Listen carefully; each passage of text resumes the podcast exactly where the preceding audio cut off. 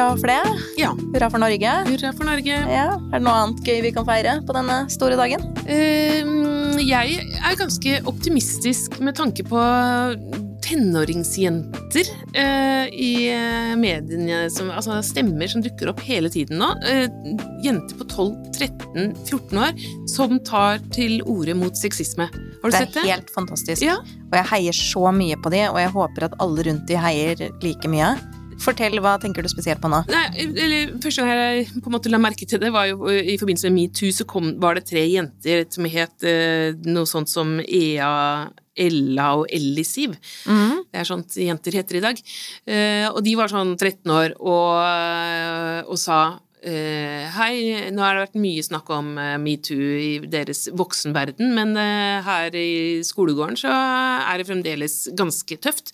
Vi blir kalt madrass og pulbar og billig og sånn hele tida. For ikke snakke om H-ordet. Ja. Det er, hore og Mm. homo er vel de to mest brukte ordene fremdeles i skolegårdene. Så det, de snakka om det, og det var kjempebra debatt som kom opp av det, og fikk møte Erna Solberg og alt mulig. Mhm. Og så mm, eh, har vi jo Det har jo mye med eh, denne Aftenposten-siden som heter Side. Det har jo vært ganske viktig, tror jeg. For at det da, Det er veldig da godt kom- tiltak, Side. Altså det der å få unge stemmer opp og frem, og ikke bare liksom sånn ja, dere kan få lov ha Kameratposten eller et eller annet sånt som ingen voksne leser, Mhm. men faktisk sette av plass i en stor nasjonal, nesten nasjonaldekkende avis Mhm. til unge stemmer. Det er så utrolig bra, Aftenposten. Hvor det liksom er et eh, en redaksjon som faktisk eh, går gjennom eh, innleggene på en Mhm. ordentlig måte, sånn at, eh, at det som står der, kan trykkes. Så det er, eh, det er bra. Eh, Nå var det nylig en 13-åring eh, som het Hermine Svortevik Oen, som tok til eh, orde i BT om det samme, egentlig, eh, og fortalte da at eh, ja, nå var grensa nådd for henne. Hun hadde blitt ropt etter av noen eh, russ. Ah, russ. Ja. Og da, la oss nå notere oss at dette er en 13-åring som er ute og løper, Mm. eh, og disse russen er jo da, da 18 år gamle 19 år gamle gutter. gutter, eh, som da roper et ja. nedsettende etter henne. Ja. Løp jævla feite horer, eller sånn hadde de ropt, altså hadde de ledd høyt og alt det der. Uh, og da, i samme slengen så forteller hun at dette er ikke liksom enestående. De blir for, mm, kalt pulbar flyplass, fitte og sånne ting. Du passer best på kjøkkenet, er liksom også noe de driver og slenger etter jenter. Hvor har de fått Ja, hvor har de fått det fra? de Men, fått det fra? Det er helt sånn- merkelig. Men det er, jo, det er jo retro å Ja, si, da. ja. Det må vi si, så det kommer vel som en del av retrobølgen. Mm. Altså, dette her tror jeg er problemer som har vært eh, hele, ja, som er der hele veien. Jeg har en eh, søster som er 13 år yngre enn meg. Hun fortalte når hun var 13-14 år, at, eh, og da gikk hun på en skole her i Oslo, at eh, da var det akkurat det samme. Mhm. De ropte billig, kasta mynter etter for å liksom vise hvor billig de var, og altså det derre horestempelet som vi på en måte tror at det er ikke unge mennesker ferdig med, med dette. Mm. Men nei, det, det bare dukker opp. I en viss alder så må liksom hver generasjon gjennom dette her, den typen mobbing. Eh, Det er helt jævlig å tenke på. Det har jo tatt helt av også i eh, perioder. Det har vært veldig mye fokus på skolen til mine barn, mm. i en periode spesielt på trinnet til datteren min, Mm. med hvor det der med språkbruk eh, at de ser seg nødt til å ta opp det språkbrukssiden av det.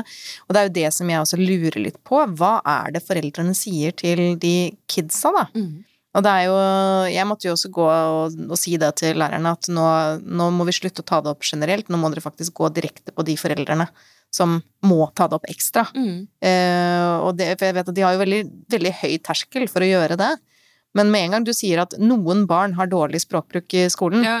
så tenker alle ja, men det er ikke mitt barn. Ja. Ja. Det, det er eh, Jeg skjønner at man ikke kan drive og si sånn direkte til Men man blir jo frista til å bare eh, Noen ganger når man får sånn, sånn type mail fra skolen eh, Jeg får lyst til å ringe og si ja, Dere vet det er din sønn. Dere vet, alle andre veit hvem det er snakk om. Men man mistenker at foreldrene kanskje ikke veit det sjøl, da. Nei, jeg tror det er ganske stor andel av eh, denial, og det er jo sånn som, eh, sånn som jeg merker med hvor varierende det er med hvor foreldre snakker med ungene sine om sex, og hvordan man snakker med barna sine, også om uh, andre ting som er viktig i den alderen. Da. Mm. Har du en lav terskel til å ta opp viktige ting som prevensjon med barna dine, mm. så driver du kanskje ikke og sier ja, du kaller vel ingen for hore heller, liksom. Nei. Nei så Og så møter de ja. jo ofte det der med ikke sant, Den derre horedebatten har jo Jeg var på, i noen videregående skoler i Nord-Norge for noen år siden og snakka om eh, akkurat det der. Fordi da hadde de gjort noen undersøkelser som det var da det liksom kom fram at det, hvor vanlig det var å rope hore og homo etter folk. Og da, Derfor tok jeg tak i det og spurte liksom sånn hvorfor eh, Altså, kjenner dere dere igjen i dette? Ja, ja, ja. Ja, mm. det, vi roper det. Det sto, sto dem for, liksom. Jeg bare, ja, men, eh, men, eh, hvorfor, liksom? Nei, men det betyr jo ikke at folk er hore. Eh, nei, det, men, eller at de tror at noen er homo. Nei, nei, men hvorfor gjør dere det? Nei, men det er bare tull, liksom. Eh, de skjønner når du, de, når du sier det sånn Jeg sa sånn, ja, men hva hvis, hvis det er kompisen din, og han faktisk er homo, da? Og så går, bruker du det som et skjellsord. Hvordan tror du, tror du, da han kommer til å orke, eller tørre å gå ut av skapet og si det til deg, liksom?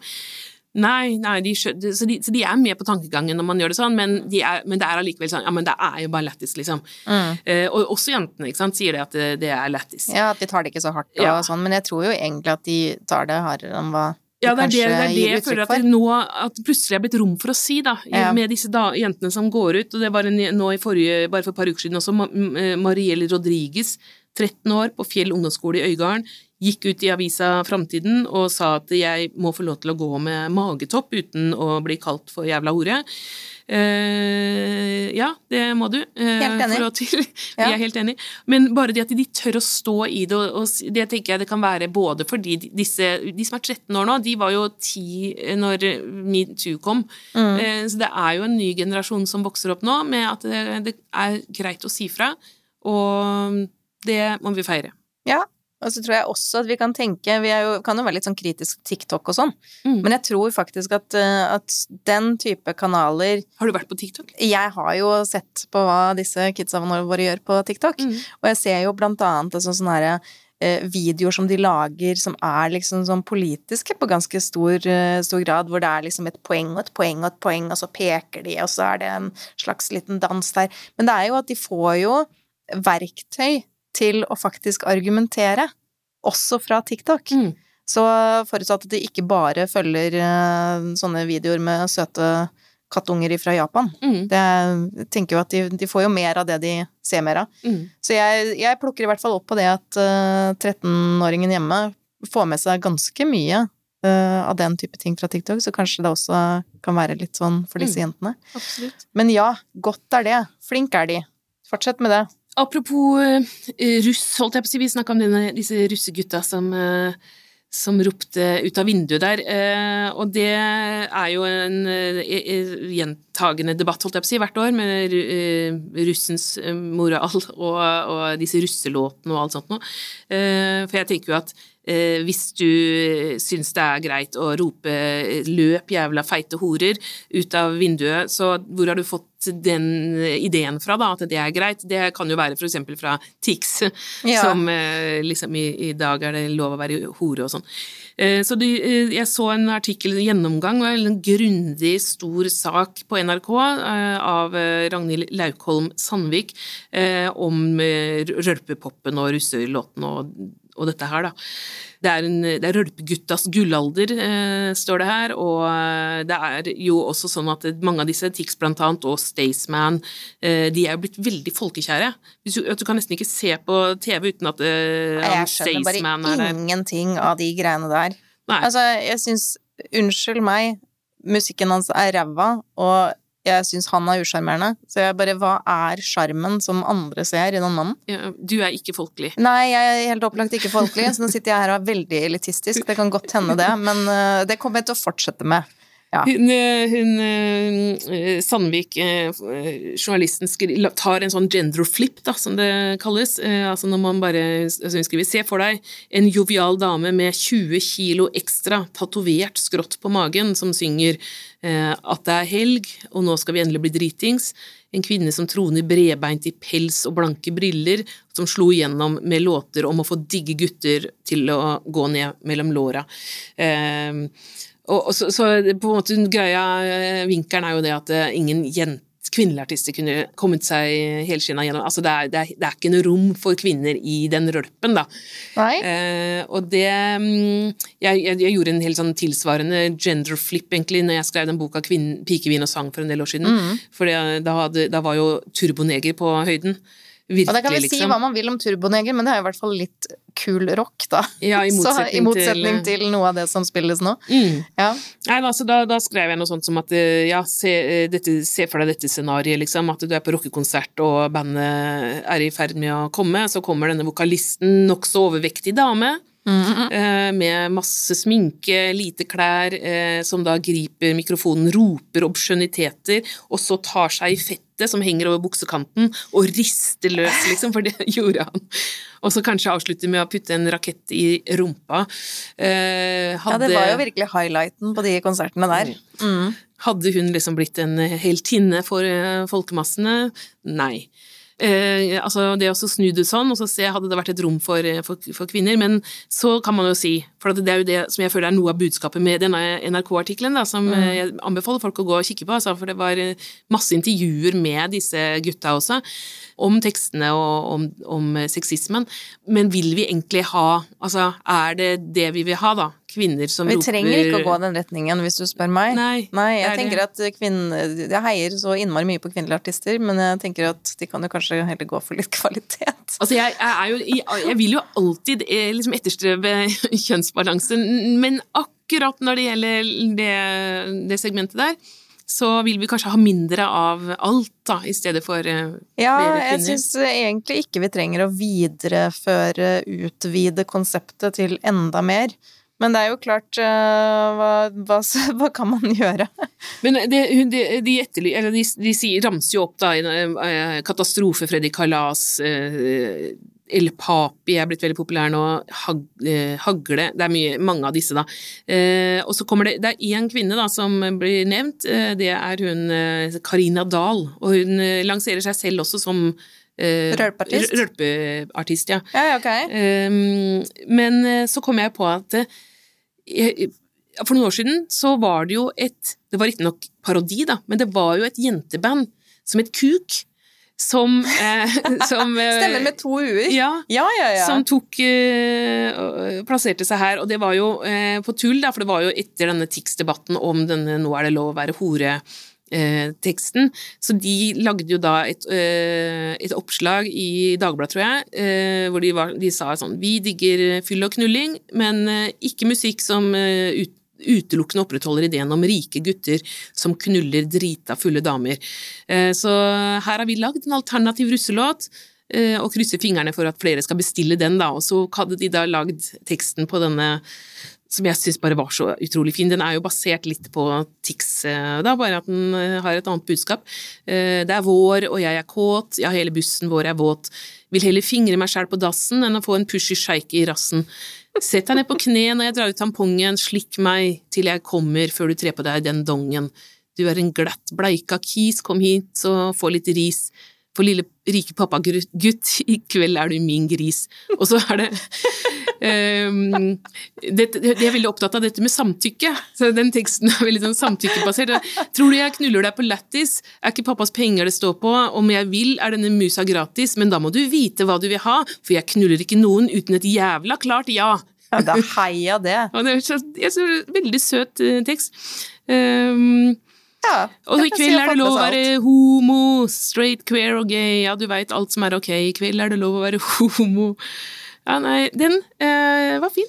Ja, så den, men uh, har den faktisk blitt spilt inn? Du, det vet jeg ikke jeg, jeg, De var jo et ordentlig band, tror jeg. Ja, var hun, ja, ja, ja. hun eh, Mira Bergrav Refsum var i front der, og de stilte jo også opp i veldig De var jo litt tics i stilen. Ja. Det var mye sånn her eh, type metallic eh, sånn longs, holdt jeg på å si, og, Og noe og- amerikanske flagg på Ja. et eller annet sånt. Ja, men amerikansk flagg badedrakt. Ja, det var det. Ja, det, var det. det ja, var nei, men de savner kuk, og Ja, vi vil ha kuk tilbake. Ja, og de kan gjerne spille inn den russelåten der. Hvis det nå skal være kvinnerølp, så var jo dette absolutt noe up our alley. Mhm. Men nå har du jo fått med deg at det er jo noe som heter feministruss. Nei, har du fått det nå? Ja, det, det kom som en overraskelse på meg også, for jeg bare googla litt rundt, og så så jeg det at ja, det er faktisk eh, kommet en egen eh, kampanje som heter Feministruss. Du finner den på feministruss.no. Eh, og det er Rød Ungdom, Sosialistisk Ungdom, Grønn Ungdom og Kvinnefronten og av alle ting KrFU. Mm.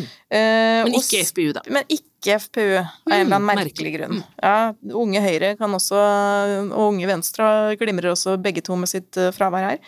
Um, men det er jo, virker jo faktisk som et ganske greit opplegg. Altså, hva slags, har du rosa russedress, eller hva? Altså det er Du får strykemerker, da. Så Mm. hvis du, kan, hvis du bestiller eller blir medlem her, så får du gratis strykemerker som, eh, som handler om eh, feminisme og russelivet. Det er jo en bra ting. Mm. Og så er det egne feministiske russeknuter. Ja, selvfølgelig. Ja. Og det er jo veldig fine russeknuter, for der får du nemlig for å, liksom, Du får knuter for disse tingene. Å legge ut gratis bind og tamponger på offentlige doer, mm. det heier vi jo på. Kjempefint. Eh, merking av uretusjert reklame. At man driver og merker Ja, altså, man de- gjør det. Jeg gjør det. Jeg tenker Mm. bare det, det får du en, et tusjlokk for å gjøre. Uh, og du kan uh, sette på feministrusslista på fest, så det er visst en eller annen sånn spilleliste som uh, også er oppegående. Men det er sånn, Og så har du 'sitt i en rundkjøring' med et skilt som er 'tut mot seksuell trakassering'. Ja. Så heia feministrussen! Hvorfor har vi ikke hørt noe om dette før? Ja, nei, det Det høres jo, veldig bra ut. eh, Jeg, jeg hadde blitt med når jeg var russ, hadde jeg blitt med på det der. Ja, lett, men jeg tenker nå dere som har eventuelt uh, russ, russ der ute Det trenger jo ikke være russejenter, det kan jo godt være russegutter også. Uh, får dem til å melde seg inn i feministrussen. Det er jo så kanskje vi får en litt bedring av ting og tang i fremtida. Du, jeg eh, holdt jo eh, tale på Jeg blei spurt av eh, 17. mai-komiteen om å holde, holde tale for første gang. Det er ikke verst. Ja. Så langt har du kommet i livet. ja, det, føler, det, det var liksom klassereise. Yes, ja, det var stort. Eh, og det var på grava til eh, Anna Rogstad. Mm. Eh, kjenner du til henne? Nei. Aldri hørt om. Aldri hørt om? Nei, så da eh, Så Hurra, kjør da på. kan jeg fortelle. altså, eh, Anna Rogstad eh, var en eh, veldig imponerende dame. Eh, de fleste nordmenn kjenner henne som den første kvinnen som møtte på Stortinget. Det er det som er på en Stemmer. måte Ja. ja.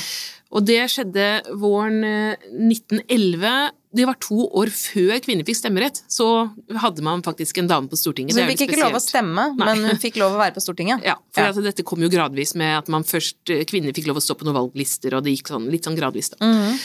Eh, da var hun 57 år gammel eh, og hadde veldig lang erfaring eh, fra arbeidslivet og organisasjonslivet. Hun var jo med å starte Norsk kvinnesaksforening i 1884. Mhm. Eh, en av de som gjorde det. Eh, den blei veldig sånn trøblete, den starten på Kvinnesaksforeningen. Eh, fordi eh, først og fremst så valgte de seg jo en mannlig leder. Det er jo veldig spesielt. Hag Hagbart Berner, av venstrepolitiker. Eh, tanken med det var jo at for kvinnesaken var veldig kontroversiell, og man tenkte at ok, med en mann som i front, så blir det kanskje litt mer, virker litt mer akseptabelt i offentligheten, fordi at kvinner skulle liksom ikke være i offentligheten. Så det var jo det som var greia. Pluss at de skulle jo lobbe da, med å snakke med stortingsmenn og snakke med media, og det var også veldig vanskelig for en kvinne å få, få gjort når, når eh, man var så skeptisk til eh, kvinner i offentligheten. Mhm. Så det var grunnen, men eh, så blei jo det vanskelig, fordi han var jo ikke så kul som eh, de hadde håpa. Han var jo eh, han støtta jo kvinnene i kampen på mange måter eh, for stemmerett, men han, syns, eh, han og hans fløy da, syns at det å kreve full kvinnelig stemmerett var for tidlig, og at det ikke var eh, noen sjanse for å få gjennomslag. Så det blei liksom da bestemt at kvinnesaks, Norsk kvinnesaksforening skulle ikke kreve eh, stemmerett for kvinner. Og det blei jo Pussig avgjørelse. Det var jo pussig. Eh, Og noen av disse damene da, som hadde vært med å starte den, Anna Rogstad blant annet, og Gina Krog ikke minst, de blei eh, rasende eh, og mente jo at det er jo det eneste som gjelder. Vi må kreve full stemmerett for alle borgere, uansett kjønn og uansett inntekt og alt det der. Mm. Så allerede året etter så innkalte de til nytt møte på Anna Rogstads lærerinnehybel på Grünerløkka. Eh, Og da ble, det danna en ny forening, og den eh, het Kvinnestemmerettsforeningen. Og de bestemte da at eh, bare kvinner får være medlem, for de var nå skuffa over mennene. Og det blei lang kamp, for dette var jo i 1885, og vi fikk jo ikke stemmerett før i 1913, så var, Mhm. de møtte veldig mye motstand i mange år. Og, og disse damene, da, Rogstad og Gina Krog og mange andre, de delte landet mellom seg og reiste rundt og agiterte. Og for å få med seg kvinner, da, først og fremst eh, til å ville starte foreninger rundt i Norge og sånn. Så det var det de drev med i disse åra. Eh, så hun, hun jo- jobba jo fulltid mer eller mindre med kvinnesak, da, Anna Rogstad også. Ikke, det er jo Gina Krog vi kjenner, men eh, hun gjorde også det. Men hun var veldig aktiv i lærerinnespørsmål. eh, Leder i Kristiania lærerinneforening, og jobba jo da mot den veldig store forskjellsbehandlingen av kvinnelige og mannlige lærere. Det var egentlig hennes hoved... eh, Ja, må jo starte et sted. ja, eh, eh, greie, fordi at eh, det var jo sånn at menn på denne tida her, nå snakker vi 1870-1880-tallet, de fikk eh, offentlig lærerinneutdannelse. Nei, ikke Lærerutdannelse. De fikk offentlig utdannelse, mens eh, damene måtte betale utdannelsen sjøl. Det var eh, helt sånn. Det var Det er jo noe veldig det var spesielt. Ja. Ja. De, eh, I tillegg så fikk de mannlige lærerne utdelt en leilighet, mens lærerinnene fikk et sånn knøttliten hybel. Og det var også bare sånn, ja, det ble ikke noen forklaring, var ikke noen forklaring på det. Og så fikk jo de, viktigste viktigst av alt kanskje, under halvparten av lønna. Uavhengig eh, av eh, hva de gjorde. Og, måtte, alle prestisjefulle jobbene gikk til de mannlige lærerne, selvfølgelig, og eh, kvinner måtte ta de yngste elevene og de dårligste stillingene og sånn. Så, så det jobba hun mot hele tiden, og det blir liksom, hun blir løfta fram som den mer eller mindre som egenhendig nærmest eh, klarte å rydde opp i forskjellsbehandlingen av kvinnelige og mannlige lærere. Da. Eh, nå skal hun snart få en statue, det mangler vi jo veldig, har vi snakka om tidligere, eh, er kvinne- statuer av kvinner med klær i Oslo, men eh, det kommer av Anna Rogstad foran Stortinget ganske snart. Ja, men det er stas. Eh, Det er veldig bra. Men Ja. foreløpig så er det da på Vår Frelsers gravlund som eh, Ja, at man kan hedre henne sånn som jeg eh, nå har gjort. Så, men eh, well done you. Da har du én ting, en boks til du kan tikke av at du har holdt tale på 17. mai. Yay. Veldig, veldig bra. Jeg leste en artikkel om grått hår her forleden. Yes. Eh, Det var en studie som var gjort, eh, som jeg syns var Det var så trist. For det var da gjort eh, intervjuer med kvinner som var, eh, hadde fått grått hår og sto for det, liksom. eh, Latt det vokse ut. Mm. Og som selv var ganske fornøyd. Men så viser det seg da at de fikk veldig mye kritikk av sin egen familie. Eh, altså venner og familie sa sånn Nei, nå har det begynt å forfalle. Det var liksom det ordet som ble brukt, da. Mhm. Eh, ikke gjør det, liksom. Gå og farg det. Og det var så øh, trist å få det liksom fra sine nære og kjære. Ja, for det er jo ikke akkurat noe man sier til menn når de begynner å bli grå i håret, så er det sånn der, ja, nå må du farge det. Hvis en mann gjør det, så er vi jo mer sånn å, han er veldig forfengelig. Altså, det, det må bare sies at det er menn som farger grått hår, det, de får det ikke til. Altså, det er et eller annet som det er så stygt med sånn oransje. Det blir helt sånn Ja. Ja, det, det er noe med det, men i hvert fall så er det jo det der med do or don't. Skal man gå grått, eller skal man farge håret? mhm. Hva tenker du?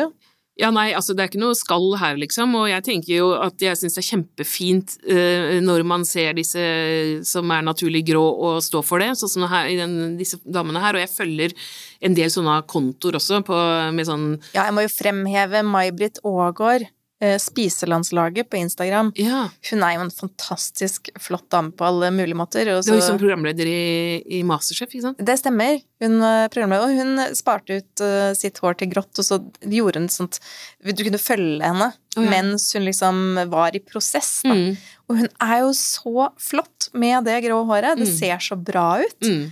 Så jeg, kjenner, jeg må si jeg kjenner meg litt inspirert. Jeg.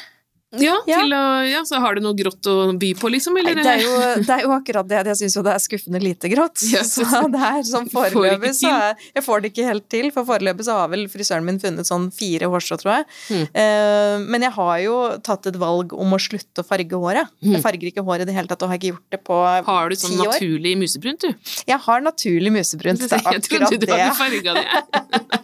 Det er akkurat det jeg har. Nei, men så jeg er veldig fornøyd med hårfargen min, så det er ikke egentlig noen grunn. Men jeg hadde jo veldig lenge knall rødt hår. Mm. Det var jo litt mer sånn statement-hår.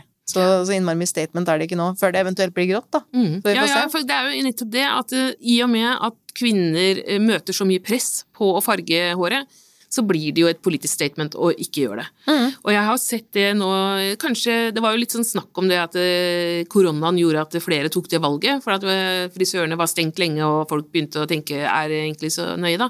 Og så, så, så, så var det flere Altså det var en sånn bølge Jeg vet ikke om den blir varig, men det ble jeg hadde vært på venninner som gikk med lua bare Ja. en stund, så det var ikke sånn uh, De hadde ikke tenkt at dette Og- skulle bli noe var, nei. varig statement, nei. Det Nei. var mer sånn hold ut til frisøren åpner igjen. Mm.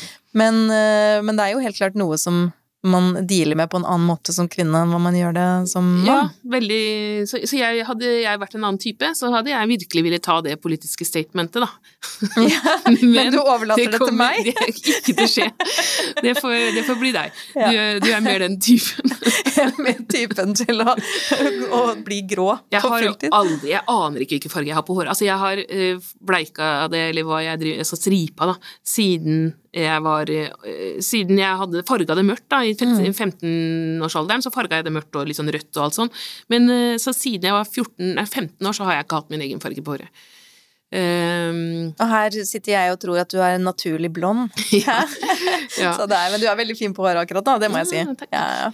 Langt. Mm. Ja. Men apropos fine, fin på håret. Uh, Sara Omar, hun har jo sånn eh, Dansk-kurdiske Sara Omar har sånn hvit stripe i håret, som er sånn eh, veldig, veldig fint. ja. Uh, men det er naturlig, da. Det er, eh, hun har vært sånn Hun er jo ung, eller Ja, hun er født i 1986, det, det, så det er jo ikke sånn type Det er bare en sånn grå Hva heter det? Pigmentgreie. pigmentmangel i, i hodebunnen som gjør at hun har den der hvite, hvite stripa. Ja. Så hun ser jo ut som en superhelt, Ja, egentlig. Litt veldig, veldig- sånn X-Man. Ja. Men hun er jo da eh, Har vunnet Bjørnsonprisen ganske nylig. Eh, kommer til Lillehammer for å holde Bjørnson-foredraget, som prisvinneren da må holde. Eh, og er en veldig fascinerende dame, må jeg si. Altså, hun, denne boka, 'Dødevaskeren', jeg har ikke lest den. Jeg har lest mye om den, og så tenkte jeg det her orker jeg faen ikke å lese, altså. Ja, det er drøyt. Det er, så drøyt. Det, han- det er jo sånn delvis selvbiografisk, har hun sagt. Eh, eller ganske veldig selvbiografisk. Eh, og man kan nesten ikke tro det, da. For så grusomme er disse beskrivelsene av den oppveksten hennes, og, og også um, hennes venninner. Den begynner jo da boka med en sånn eh, fryktelig scene om en jente som får mensen, og så har akkurat lært å sykle for første gang da, når, hun får, eh, når dette kommer, og blodet renner ut av henne. Hun blir redd, hun hadde jo ikke hørt noe om dette, for det var jo ikke noe hun hadde blitt fortalt om. Springer ut av huset, faren kommer etter og skjærer av Jeg klarer ikke å si det engang. Skjærer av henne ører eh, og tunga. Fordi hun har gjort skam på familien med dette her. Å ja. Så sånn, Yes. Den begynner der, liksom. Eh, og så fortsetter det på en måte med Det er jo ter... Det, det er liksom sånn at man og dette er jo noe av det som er kontroversielt med hele Sara Omar også, fordi det var så eh, fryktelig, så var det jo ganske mange som tok litt avstand fra hennes historier, som mener at dette er å demonisere islam, Mm. eh, og at eh, mange trodde ikke på det, det hun skrev heller. Altså det, var, mye sånn kontrovers, husker jeg, når dette her kom. Eh, men så har hun på en måte fått en annen posisjon, hun har kommet med flere bøker også, og, og nå vinner en del priser, og har jo masse sånn sikkerhetsopplegg rundt seg, fordi at hun er så trua. Så, så, og, så jeg er veldig spent på ja, det foredraget hennes, og hun skal også bli intervjua på Lillehammer. Eh, Jeg håper virkelig å få med meg noe av det som hun skal delta på. Bortsett fra at jeg vet ikke helt om jeg orker heller. Nei, men jeg tror det er liksom det, Hennes prosjekt er jo ikke noe tvil om at det er et oppgjør med, med skam, og med, med det å være eid av familien, eh, og med eh, alt som holdes skjult av, eh, av ting som skjer, da. Så selv om at det er brutalt og, og voldsomt, og at hun går inn i en del temaer som, som sikkert er tungt å ta inn over seg, så er det jo sånn at man må jo også bare innse at dette fins. Skjer jo også. Dette Det- skjer det- også. det- ja. ja. Ja, og det er jo sånn, ikke sant, man kan jo Det ikke betyr jo si ikke til at folk all at det, islam er sånn, Nei. men det Mm. skjer. Og det, det er, det, er er det, man kan jo ikke, det blir jo liksom et overgrep igjen hvis du sier at du kan ikke fortelle om dette fordi det er eh, på en måte for fælt, og det er ikke Mm. eh, representativt, så da eh, passer ikke din historie inn i dette mm. prosjektet vi driver med, for det blir jo eh, Altså, man kan jo ikke si det. Så det, hennes stemme må jo, må jo være der, og, men, eh, men så spørs det bare om vi orker å høre det, da. Men jeg syns jo eh, jeg, synes, jeg har lest en del intervjuer med henne, og da syns jeg hun sier veldig mye fine ting om det du er inne på, dette med skam og eh, hvordan man f.eks. oppdrar eh, jenter og gutter. Ja, Eh, æreskultur. ja. Ja. Hun sier jo det at veldig ofte så eh, Hun er jo mot hijab og mot alle tildekningsplagg og sånne ting, da, og sier eh, ja, alle, alle er jo født nakne. Hvis Allah ville at vi skulle tildekkes, så ville vi bli født sånn. Ja. Eh, eh, men, men sier det at argumentet for at man skal dekke seg til da, i, i islam, er jo eh, ofte da at kvinnen frister mannen med eh, Det dette. er for at familien skal holde kontroll, og Ja. at du ikke skal dele dette med noen andre Ja. enn din ektemann. Men det som, er, som hun sier, da, er at det, det, det som er viktig i stedet for oss å si at dere skal ikke friste, så må vi jobbe for å gi menn og gutter de, eh, altså redskap til å eventuelt beherske seg, hvis det er det de trenger. Da. Eh, og, eh, og at eh, mennene mangler åndelig oppdragelse, sier hun. Altså guttebarn blir indoktrinert til å tro at de står over kvinnen. Og at det er det som er ofte problemet i eh, mange av disse kulturene. At du, for vi snakker om liksom, altså Helt fra de er små, så vokser de opp med denne troen på at de er viktigere enn jenter. Det er en helt annen verdi, og det er også en annen verdi enn både sine egne tanter og mødre, Mm. og, og så ikke bare liksom de jentene de har rundt seg, men det er, eh, det er det de blir oppdratt til. Hun hun sier også, det syns jeg var så morsomt, om de sier at jeg ikke får ha høyhælte sko, så går jeg rett i butikken og kjøper de høyeste skoene jeg kan finne. Det er mye trass Ja, er, igjen, eh, men det er jo også det som er, eh, er godt å se, da. at, eh, Trass er en bra kom- drivkraft. Ja, man kommer langt med trass. Ja. Så, så det er i hvert fall en forfatter som vi gleder oss til å få med oss på Lillehammer, og nå skal vi snart dra. Ja. Nå er det snart Lillehammer. Så vi håper virkelig at vi ser flere av dere der ute på Lillehammer når mm. det braker løs. Så till then Ha det bra. Du har hørt på podkasten Patriarkatet faller av og med Marta Breen og Anette Garpestad, utgitt av Agenda Magasin. Ansvarlig for lydteknikk og musikk er Margarita Krimici. Du finner Patriarkatet faller på Facebook, Instagram og Twitter. Og du kan sende oss en e-post på patriarkatefaller at gmail.com.